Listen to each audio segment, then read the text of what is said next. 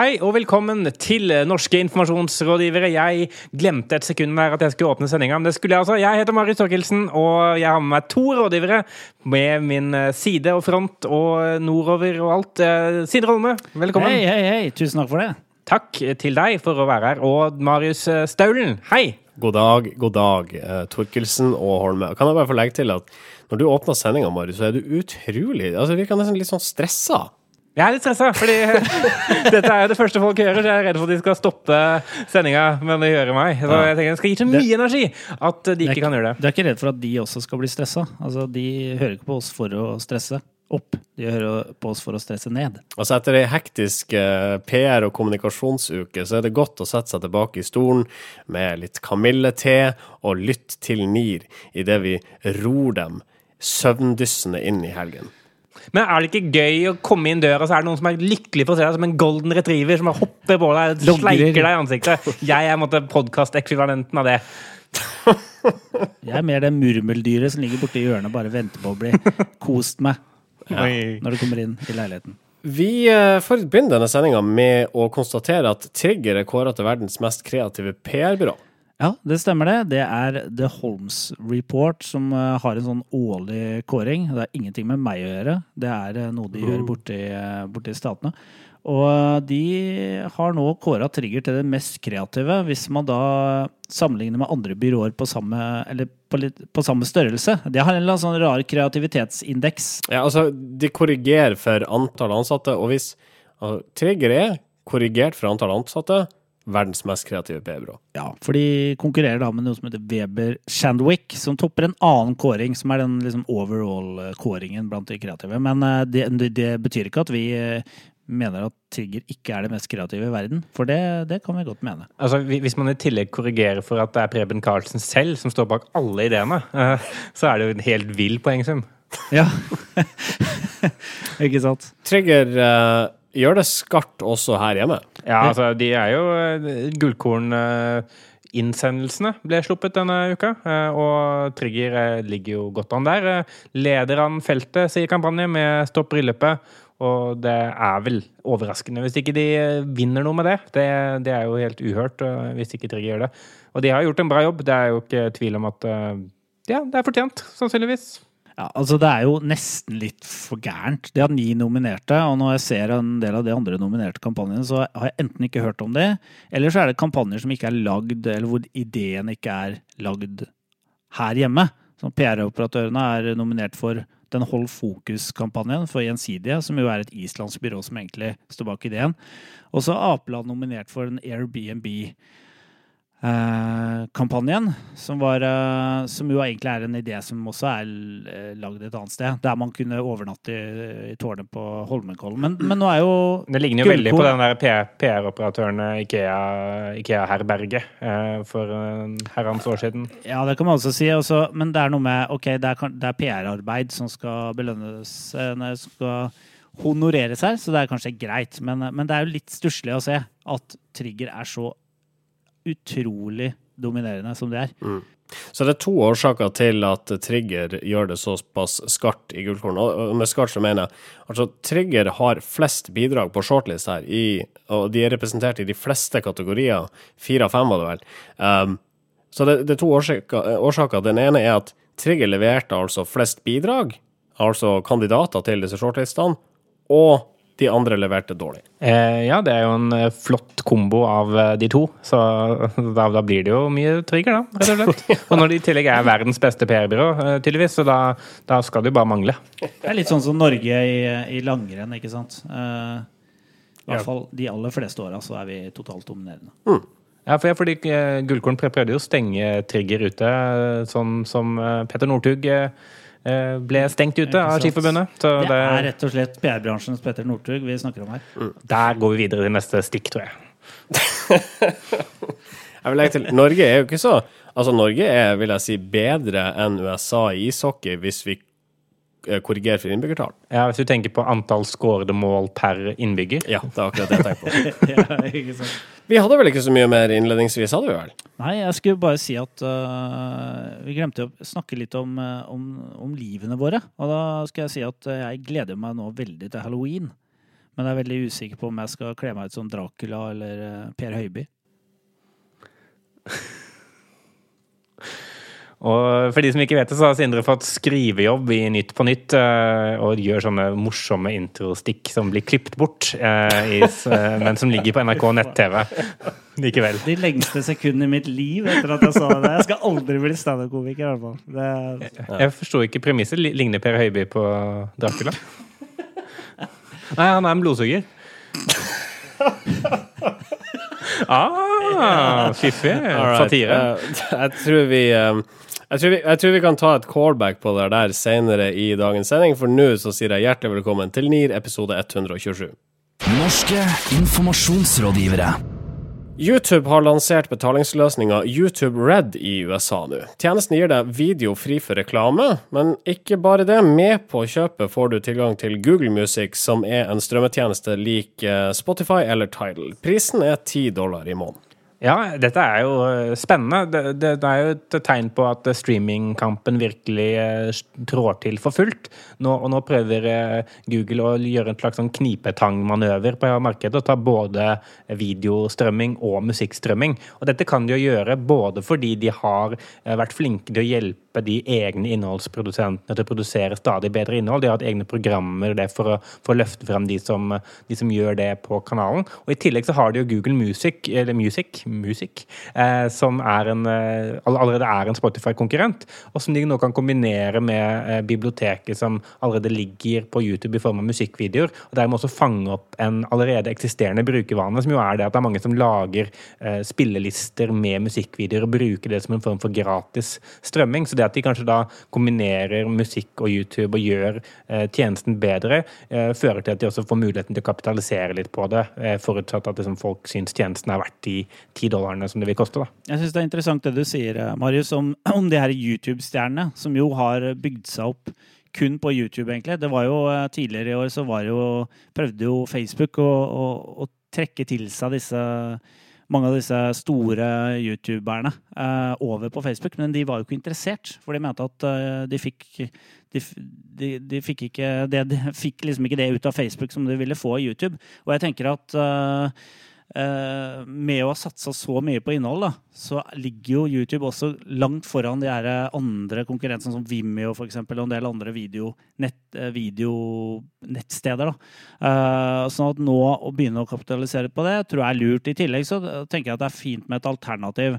Nå som sikkert mange sitter på gutterommene rundt og skal lage adblocks for, for video, altså sånn pre-roll adblocks, da, eh, som sikkert vil komme. Nå har jo adblocks eh, på andre flater eksistert kjempelenge, men, men dette, er, dette er smart. Og så selvfølgelig å kombinere med, med streaming gjør at Google nå ja, gjør seg veldig attraktive for en, særlig en yngre målgruppe som er veldig avhengig av YouTube i dag. Men det tenkte jeg, det, altså YouTube har vært ganske enerådende hva gjelder videomarkedet. Ja da, man har Vimeo og andre tjenester øh, som du nevner, Sindre, men, men YouTube er, er og har alltid vært den største. Jeg tenker, er ikke kan ikke dette her være egentlig Googles forsøk på å få flere til egentlig å betale for Google Music, som nok har slitt en del mot særlig konkurrent Spotify?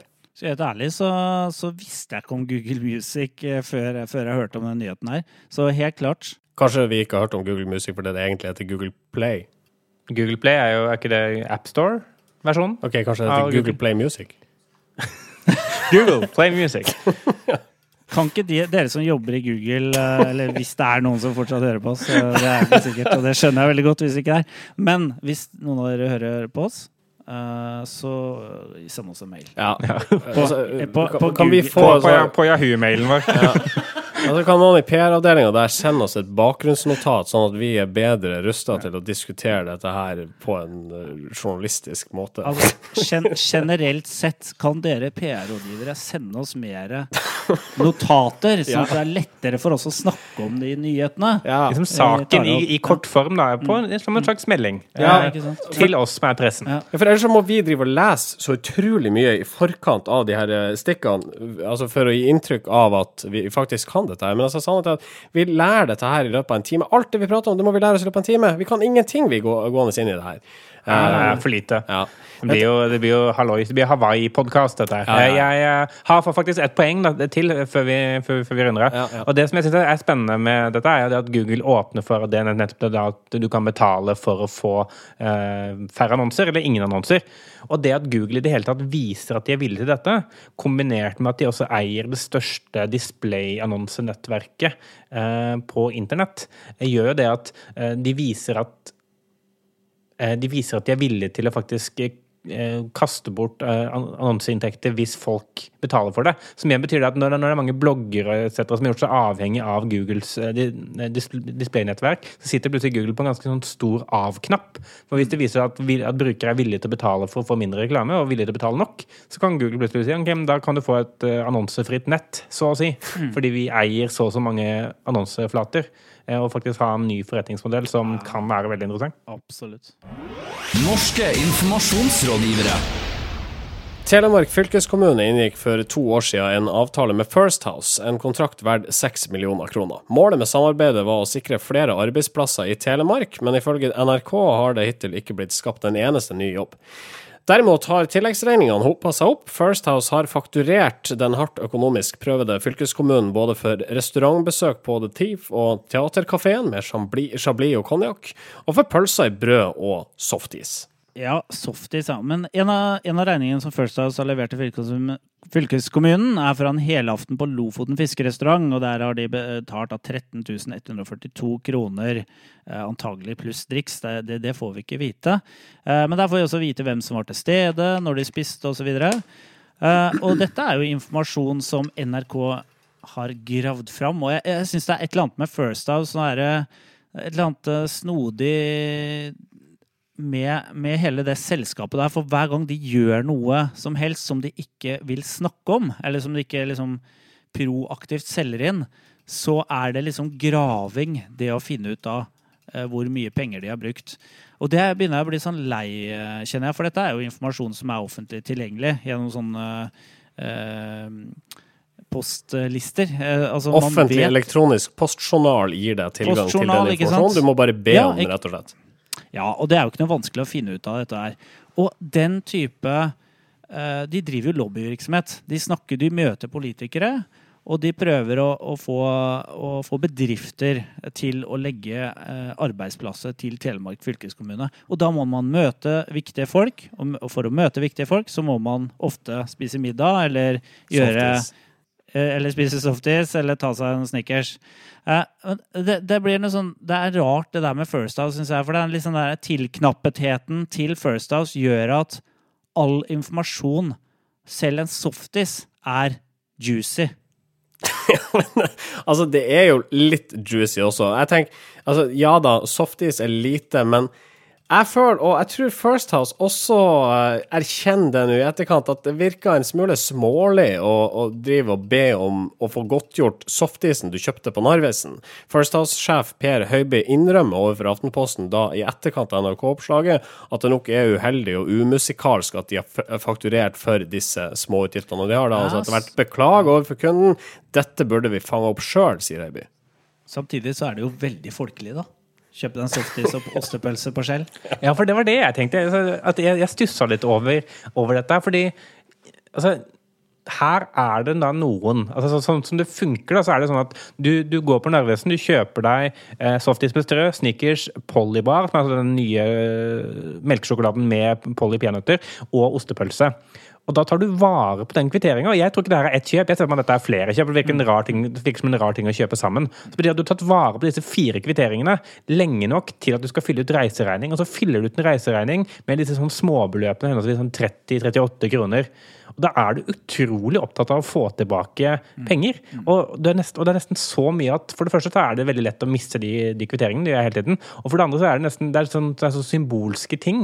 At det, uff, at det, sånn, det at dette nå lekker og kommer ut, det mistenker jeg er med vilje. Eh, At det er, sånn, det er en sånn derre uh, Dette har uh, noen smarte First House-rådgivere tenkt ut at hvis vi viser at vi spiser eh, softis og Polly peanøttbar, så, så vi- viser vi oss som vanlige folkelige mennesker som bare er eh, å handle på kiosk og Ja, det, det tenker jeg også. Og tenker jeg de, men de har ikke tatt den langt nok ut. For de burde også lagt ved et bilde av hvor de liksom døtter i seg litt døtter i seg pølsa ikke sant, på Shell-stasjon, litt sånn uformelt, så får du bort den derre høye, mørke eh, det derre ryktet om at liksom de, de trekker i tråden. Det er bare som folk flest, da. Nei, nå tror jeg dere er ute på, ute på vidda her. Altså, eh, ja da, det er greit nok med Polybar, eh, som du så pent forklarte hva er, Marius, og, og Snickers og softis. Men altså, akkompagnert med, med Chablis konjakk og dyre fiskemåltider, så fremstår jo ikke dette særlig sympatisk. Nei, men jeg, jeg, jeg tror det er, det er først og fremst pga. stortingspolitikerne. Altså Hvis du skal invitere politikere ut uh, på middag, så kan, må du servere noe ordentlig. Og uh, Bård Hoksrud ble jo intervjua om dette her uh, på, på, NRK Dagsnytt, og han sa det at når du blir invitert på ting, mm. da er man såpass høflig at man, da sier man ja. Mm. men han hadde ikke drukket alkohol, han hadde drukket Pepsi. så den konjakken og sånn, det, det, var ikke han bekjent av. det var First som drakk. Det var tydeligvis første først jeg som drakk. Poenget jeg prøver å gjøre med alt dette, er at dette er en tullesak. Altså, det er, det er så dumt, og det er så tullete. Og det er liksom fordi det er First House, og de er blitt en sånn derre de er blitt liksom symbolet på alt som er ondt i PR-bransjen. Og når det i tillegg ikke er skapt tydeligvis da en eneste arbeidsplass, som jeg lurer på hvordan i all verden de har målt, eh, så, så, så blir det sånne oppslag. Og det burde både NRK og Aftenposten og kampanje.com holde seg for gode til. For det er, det er, det er bare tull. Men eh, det, så kan det jo være det at velgerne synes det er greit å få vite hva fylkeskommunen deres bruker penger på, sånn i forkant av det neste valget. Sånn at eh, folket kan ta en informert beslutning om hvilke politikere man ønsker å ha til å styre for seg. Er det riktig? Eh, og jeg moraliserer ikke over det faktum at First House har brukt penger på, på softis og fisk, men Uh, bør ikke folk i det minste få vite at ja, uh, denne fylkeskommunen her er villig til å bruke seks millioner pluss merkostnader, inklusiv dyre måltider, for å skaffe flere arbeidsplasser. Jo, men det er jo, det er jo unyansert likevel. For det er jo bare én av da 100 millioner uh, kroner som den kommunen bruker på noe. Og så, og så finner de jo her er det First House. Nei, nei. Altså på, på, hva som helst. Altså En kommune bruker jo milliarder av kroner altså, på noe i løpet av eh, en, en budsjettperiode. Ja, skal vi bruke den på flere kollektivruter, eller skal altså, vi bruke den på, på å uh, mat First altså, og altså trekk, trekker man ut denne ene saken fordi det er First House, og fordi det er liksom, uh, softis og pølser, og det er, ligner på en god sak, men det gir jo ikke noe representativt bilde av fylkeskommunens bruk av penger. Hvorvidt den er bra eller dårlig. Jeg, jeg synes også, ja, jeg, jeg klarer ikke å like den saken her i det hele tatt. Altså, er hvis det er en snikker som skal til for at Bård eh, Hoksrud eh, stemmer for å legge arbeidsplasser til, eh, statlige arbeidsplasser til Telemark fylkeskommune, så er det verdt penga. Ja, det, det, må det ha vært. Det, det, det er en lav investering. Jeg tror det må bli siste ord. Norske informasjonsrådgivere. Vi har tidligere snakka om VGs partnerstudio, hvor de i allianse med Rema 1000 presenterer nyhetssaker de mener fenger interessen til småbarnsfamilier. Dette er en målgruppe Rema selvfølgelig ønsker å bedre grep om, samtidig som VG kan levere interessant stoff til dem. Men innholdet er ikke journalistikk, all den tid det er et kommersielt samarbeid ute og går her. Uh, og for det har VG fått tyn. Annonsedirektør Per Håkon Fasting i Skipsted Norge synes ikke kritikken av VG er velberettiga. Nei, tvert imot bør man hylle VG for godt pionerarbeid. Ja, han, eh, han, stiller dette spørsmålet på kampanje.com, hvor han, han, mener det at her har eh, VG tort å tråkke opp uh, denne stien, som er nye måter for mediehusene å tjene penger på, og nye måter for annonsørene å synes på, og nye måter for, for journalistene å tjene penger eller få betalt på. og han, han mener, mener det at dette fortjener VG veldig mye mer skryt for enn det de har fått. Er det ikke litt feil forum for altså, burde ikke han uh, skrevet denne kommentaren i journalisten.no. For her, dette her føler jeg det er egentlig en mail som burde gått til uh, journalister, uh, og ikke oss markedsføringsfolk, for vi er jo fornøyd med alle nye reklameflater eller markedsføringsflater som oppstår. Og siden Rema er med på dette her, så er sikkert de fornøyd. Eller de har i hvert fall vært fornøyd med å få lov til å teste det ut. Uh, så jeg, skjønner ikke hvem man egentlig snakker til, eller hvem man, uh, hvem man er frustrert over. Nei, For de som kanskje reagerer mest på da det som i 2015 har blitt content marketing, altså journalistisk innhold, eller altså reklame forkledd som journalistisk innhold. De som er mest kritiske til dette i dag, er de som vil verne om pressens integritet? Er det det som ligger mellom linjene her, Holme? Det er nettopp det det er. Og, her, det er jo en frustrasjon fra, fra Fasting her. Eh, og, og den føles litt sånn eh, feilplassert da, i, på Kampanje sine nettsider. For jeg skjønner, jeg kjenner meg ikke igjen som annonsekjøper. Jeg jobber i et mediebyrå. Jeg syns det er interessant det VG gjør, men jeg har ingen, eh, ikke noe behov for å bejuble det heller. Jeg vil gjerne se resultatet før jeg kan si ja, dette, dette er interessant. Uh, men de som motarbeider dette, her, det er jo journalistene i, i eget uh, mediehus. og og journalister i konkurrerende mediehus. Da. Samtidig så har han et godt poeng når han refererer til det som har blitt kalt et Eh, pilotstudie på journalisten.no, hvor det er fire mennesker som har fått lov å se ulike merkede eller eh, sponsede artikler, og blitt bedt om å se om merkingen er tydelig nok. Og når da de samme journalistene som er veldig opptatt av å beskytte sitt samfunnsoppdrag, ukritisk videreformulerer dette studiet, og faktisk da kaller det det et studie eh, fra kanskje et annet analyseinstitutt, da, så, så mener, mener at, at, de svikter den kritiske sansen som de kanskje bør ha i møte med all mulig fakta som de blir presentert presentert som journalister. Så, så det virker som de er veldig ute etter å ta eh, dette her, og, og levner ingen eh, midler for å gjøre det. Ja, for dette såkalte studiet det, det, det fastslår da at eh, folk ser ikke forskjell på uh, innholdsmarkedsføring og vanlig journalistikk, uh, men studiet i seg sjøl er ikke valid. Um, det er for øvrig ikke bare lesere og markedsførere som ikke er begeistra for VGs partnerstudio. Dagbladet skriver denne uka om Hanne Viken, som ble intervjua av Verdens Gang eh, til det hun trodde var en vanlig nyhetssak. Men det var det ikke. Saken skulle inn i dette partnerstudioet. Ja vel, vi kan kanskje si at VG er og trør på noen nye stier som ikke har vært trødd i særlig grad før. Eh, men vi må vel fortsatt eh, være, på, altså, være på en tidligere konklusjon at dette er ikke uproblematisk. Nei, det er ikke det. Og det er jo, det er jo noe som Eh, noe som jeg mistenker litt at VG har gjort for å se hvor langt de kan strekke denne strikken. Eh, og så har de tenkt at ok, her er, her er det noen fallgruver, og dette er ikke sannsynligvis sånn det kommer til å se ut når man er ferdig med alle diskusjoner. Men la oss bare begynne et sted, la oss bare gjøre noe. Mm. Få de inntektene fra en stor annonsør. Og, og, så tilpasser vi det etter hvert. Ja, så når VG, Nordlys og Nettavisen ikke minst, som var trødde ut i dette terrenget for altså for flere år siden. Eh, etter hvert, når de har jobba fram og testa presedens litt her og litt der, stukket foten fram, latt PFU eh, kappe av en fot her og en fot der, så finner man et eller annet sted imellom der man kan, man kan vokse og trives og putte inn noe reklame i noen rare kontekster. Ja, og den foten den vokser ut igjen da, i det tilfellet her, ja, ja, forhåpentligvis. Ja. Mm. All right. Um, vi gidder ikke å gi noe tommel opp eller tommel ned i dette segmentet. Nyr.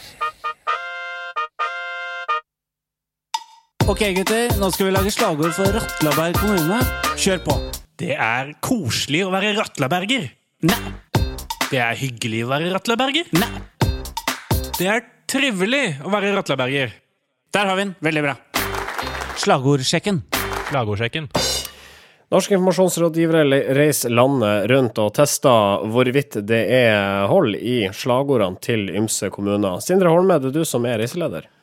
Ja, det er jeg som eh, drar dere land og strand rundt. Og jeg prøver å oppsøke steder vi ikke har noe forhold til fra før. Eh, for å lære veldig mye nytt om eh, dette stedet, og se om egentlig det er samsvar mellom hvordan de ser på seg selv, og hvordan eh, eller eh, hvordan de ser på seg selv, og hvordan omverdenen uh, ser på dem. Ja, og det er altså sånn at en rekke kommuner rundt om i landet har veldig flotte og fjonge slagord.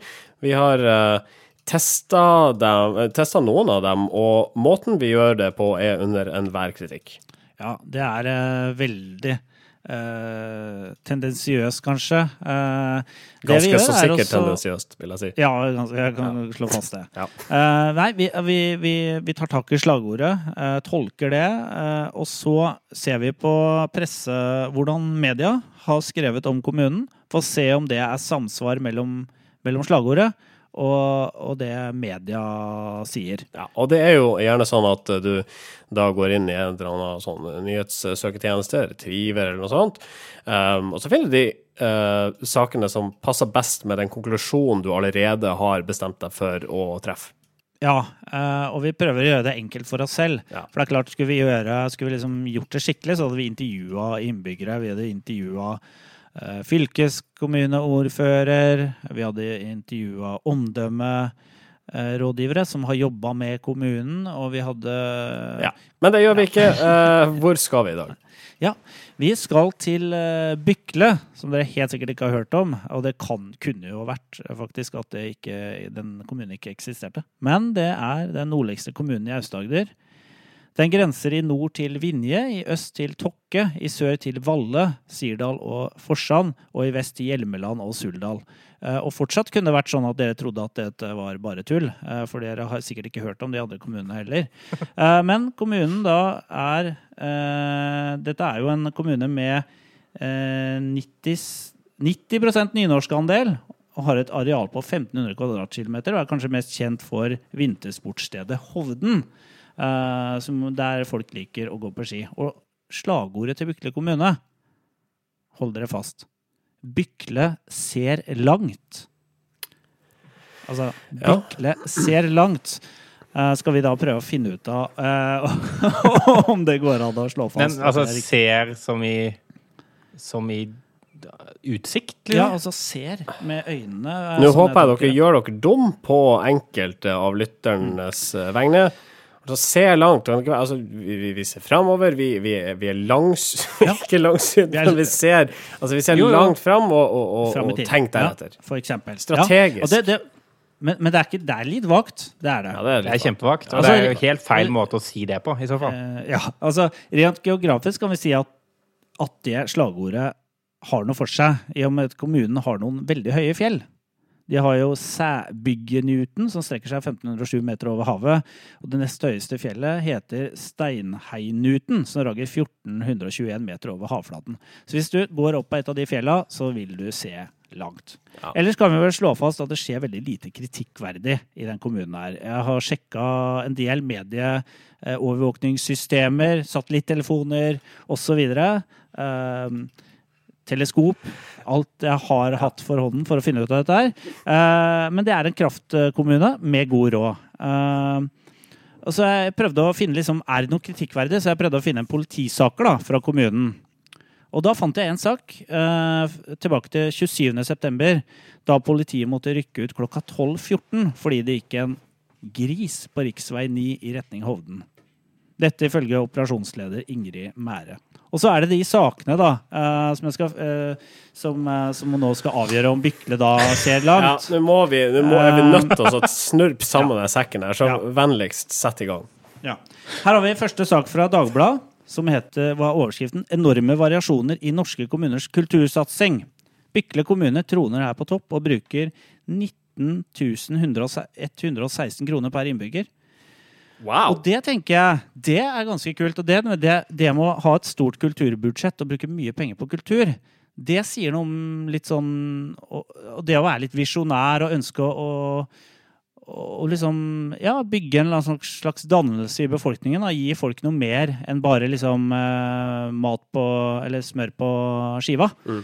Eh, så det er vel eh, Ja, det, er det- kan vi si at uh, er underbygger at Bykle ser langt. Ja, absolutt. De vet at uh, altså, satsing på kultur avler for det første superstjerner. Det bygger identitet, kan tiltrekke seg nye folk til kommunen. Det er absolutt, å se langt. Ja. Ikke sant? Og jeg fant en annen sak her på NRK, og jeg gikk inn da på NRK sine indre ganske langt inn i systemet der, og fant ut at i forbindelse med TV-aksjonen i, i år, så ga hver nordmann i snitt 35 kroner og 48 øre til Regnskogfondet. Eh, men snittet for innbyggerne i Bykle, hva tror du det er? Jo, det er 152 kroner. Wow. Det Ja. er best i Aust-Agder og femte best i Norge sett under ett. Altså, de, de ser det at vi trenger regnskogen på lang sikt hvis vi skal overleve som art. Og det er jo også veldig langsynt. Ja. Mm. Ja. Det er langsynt. Og så tenker jeg at de ser liksom veldig langt De ser jo også på en måte noe som er veldig langt unna oss. Ja, nå, er vi, nå er vi Vitseland igjen. Eh, Er det der vi er? Nei, vi er ikke det. All right. Jo. Men, men det er noe med det at folk er jo stort sett veldig opptatt av det som er veldig nært. ja, sånn, ja. Ok, jeg skjønner. Jeg skjønner. Ja, Det er det ja, det er et godt poeng. Ja. Det er et godt poeng. Ikke sant? Og regnskogen er jo litt abstrakt for mange. Mm. Men ikke for innbyggerne i Bykle, som gir da 152 kroner. Nærhetsprinsippet gjelder ikke for de i Bykle eh, kommune. Og så, i mangel av eh, troverdige nyhetskilder, så har jeg gått til idébanken.org for å finne en sak. Eh, og der kall det content marketing for Bykle, ikke vet jeg. Bykle med god oppskrift på lågt sykefravær, sier, eh, heter eh, denne saken. Og der sier de at kommunen som arbeidsgiver satser virkelig på de ansatte. De oppmoder alle til å ta tilleggsutdanning og gå på kurs og delta i faglige nettverk. Og det må jeg si, det er også ganske langsynt. Ja. Det var for å få ned sy sykefraværet? Det er for å få ned sykefraværet. Så satser de på de ansatte. Fordi at mange blir jo syke fordi de, ikke fordi de er syke, men fordi de er drittlei jobben sin. Det er Så- min teori. Eh, Da tror jeg vi skal gå til en uh, konklusjon her. Eh, Bykle ser langt, var altså slagordet. Tommel opp eller tommel ned? Jeg gir tommel opp. jeg. Gir faktisk en Jeg gir to tomler opp. Ja, altså Alt du sier, inkludert eh, Stornuten, eller hva det fjellet het, eh, innebygger jo det at det er mulig å både se langt og, og metaforisk og fysisk eh, i Bykle. Så ja, det er vanskelig å være uenig i det. i hvert fall. Vi har, vi har ikke falsifisert det, vi har ikke motbevist eh, slagordet. Nei, nei. Så det, det står eh, i min Står ved bok. lag. Ja. Mm. Da, så da ble det det resultatet vi du ville at det skulle bli? Ja, ja, ja, Ja. da ble det det. All right. Tusen takk til deg, Sindre Holme. Jeg føler at den, eh, den spalten her lever på lånt tid hver gang jeg tar den opp. Ja, nå, må du komme til, nå må du komme til poenget. Ja, men her Altså, det Altså, det begynte med at du skulle gjøre Altså, du skulle ta tre nyhetssaker, og så, og så skulle vi konkludere ut fra det. Og nå var du først ute i periferien med noen politilogger og litt sånn forskjellig. Brukte fem Gris. minutter på å komme dit, og så kom du til de tre nyhetssakene. Du har så mye på hjertet, Sindre. Ja, men Bykle er jo så ukjent. Ja. Vi, må, vi må lære Bykle å kjenne før vi kan eh, konkludere. Ja, vi får legge ut noe content marketing da om Bykle på våre nettsider. Nå skal vi kjøre en rask eh, kudos. Ukas kudos. Den går til eh, Gunnar Tjomli, kjent blogger og foredragsholder.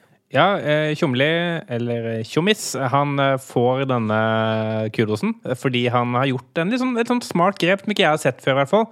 Og hvis det er noen andre har sett det før, så tar dere feil. Fordi han har i, på sin blogg lagt til en slags sånn pop-up. Så når, når du begynner å lese saken og scroller den nedover, så rett før du kommer til kommentarfeltet, så kommer det opp en pop-up som sier jeg ønsker en konstruktiv debatt. Her er noen gode tips. Nummer én, les hele bloggposten før du kommenterer. To, husk å lese reglene for kommenterer. kommentere. Tre, hjelp meg å holde kommentarfeltet rent ved å flagge kommentarer. Fire, hold deg til bloggpostens tema og vær saklig og snill. Og bare det å påminne folk det om at det kan være lurt at du leser hele posten eller hele artikkelen før du begynner å, å lire av deg ting. Det er jo, det er jo eh, smart, fordi de aller, aller fleste leser en overskrift, og så kommenterer de bare på den. Ja, veldig Eh, mange gjør det. Altså, de som blir sint over overskrifta, kanskje ingressen, scroller i ei helsikes fart ned til kommentarfeltet for å lire av seg et eller annet, og det er disse menneskene eh, Gunnar Tjomli tar sats på å stoppe og få til å tenke seg om. Ja, og Det eneste denne mangler, er en sånn ti sekunders eh, nedtelling, tenker jeg. Sånn der eh, pust inn, pust ut. Så han, eh, han tar forhåpentlig ned noe av aggresjonen til de, de sinteste kommentatorene. Ja, jeg tror kanskje han gjør det. Altså De som er clean, spik, spenna gærne, de vil jo sannsynligvis kommentere uansett. Men de som, eh, de som er liksom i mellomsjiktet, som er mulig å snakke fornuft inn i, de, de kanskje tenker seg om en ekstra gang og leser eh, konklusjonen før de kommenterer. Og det er flott. Det er smart. Jeg syns det er et morsomt grep. Norske informasjonsrådgivere. Eh, du finner oss på facebook.com slash eh, Nearcast, eh, i iTunes og de fleste andre podcast directories. Så hvis du foretrekker å høre oss i Soundcloud, så gjør du det. Der kan du også laste ned podkasten hvis du vil. Soundcloud.com slash Nearcast. Det er noen som vil ta en liten sånn avslutning, da. Jeg kan fortelle en liten avslutningshistorie, hvis dere vil. Ja. Den var rask. Ja, Vi skal tilbake til eh, 1991, tror jeg. Tidsmaskin, eller? Det er en slags uh, bitte liten tidsmaskin. Uh, Windows de lanserte, eller eh, Microsoft lanserte Windows 3.1. Og Windows 3.1 var blant de første operativsystemene hvor man måtte uh, bruke en mus for å navigere og ikoner istedenfor disse gamle kommandotekstlinjene. Nå stresser du folk igjen. her. Ja, jeg vet det. Men jeg fikk beskjed om at jeg hadde dårlig tid. Så, det, så Microsoft var nødt til å lære opp folk da, til at man kunne klikke på ting, man kunne dra og slippe ting, og man kunne eh, liksom, bruke både høyre- og venstresiden av musa. Og istedenfor å lage instruksjonsmanualer og instruksjonsfilmer laget av Framsnakk Media, f.eks., så lagde de eh, to spill. De lagde Minesveiper og Kabal. Eh, som var, hvor hele formålet nettopp var det at folk kunne lære seg denne, denne funksjonaliteten på en morsom og artig måte. Og det er eh, god kommunikasjon Ja, og onboarding i praksis fra en eh, teknologigigant som får altfor lite skryt innimellom. Og nå fikk de litt her i vår podkast. Det var The Next Web som omtalte dette denne uka. En veldig kul artikkel. Det var ei kjempehistorie å avrunde norske informasjonsrådgivere med. Vi ses om ei uke. Frem til da Ha det! Norske informasjonsrådgivere.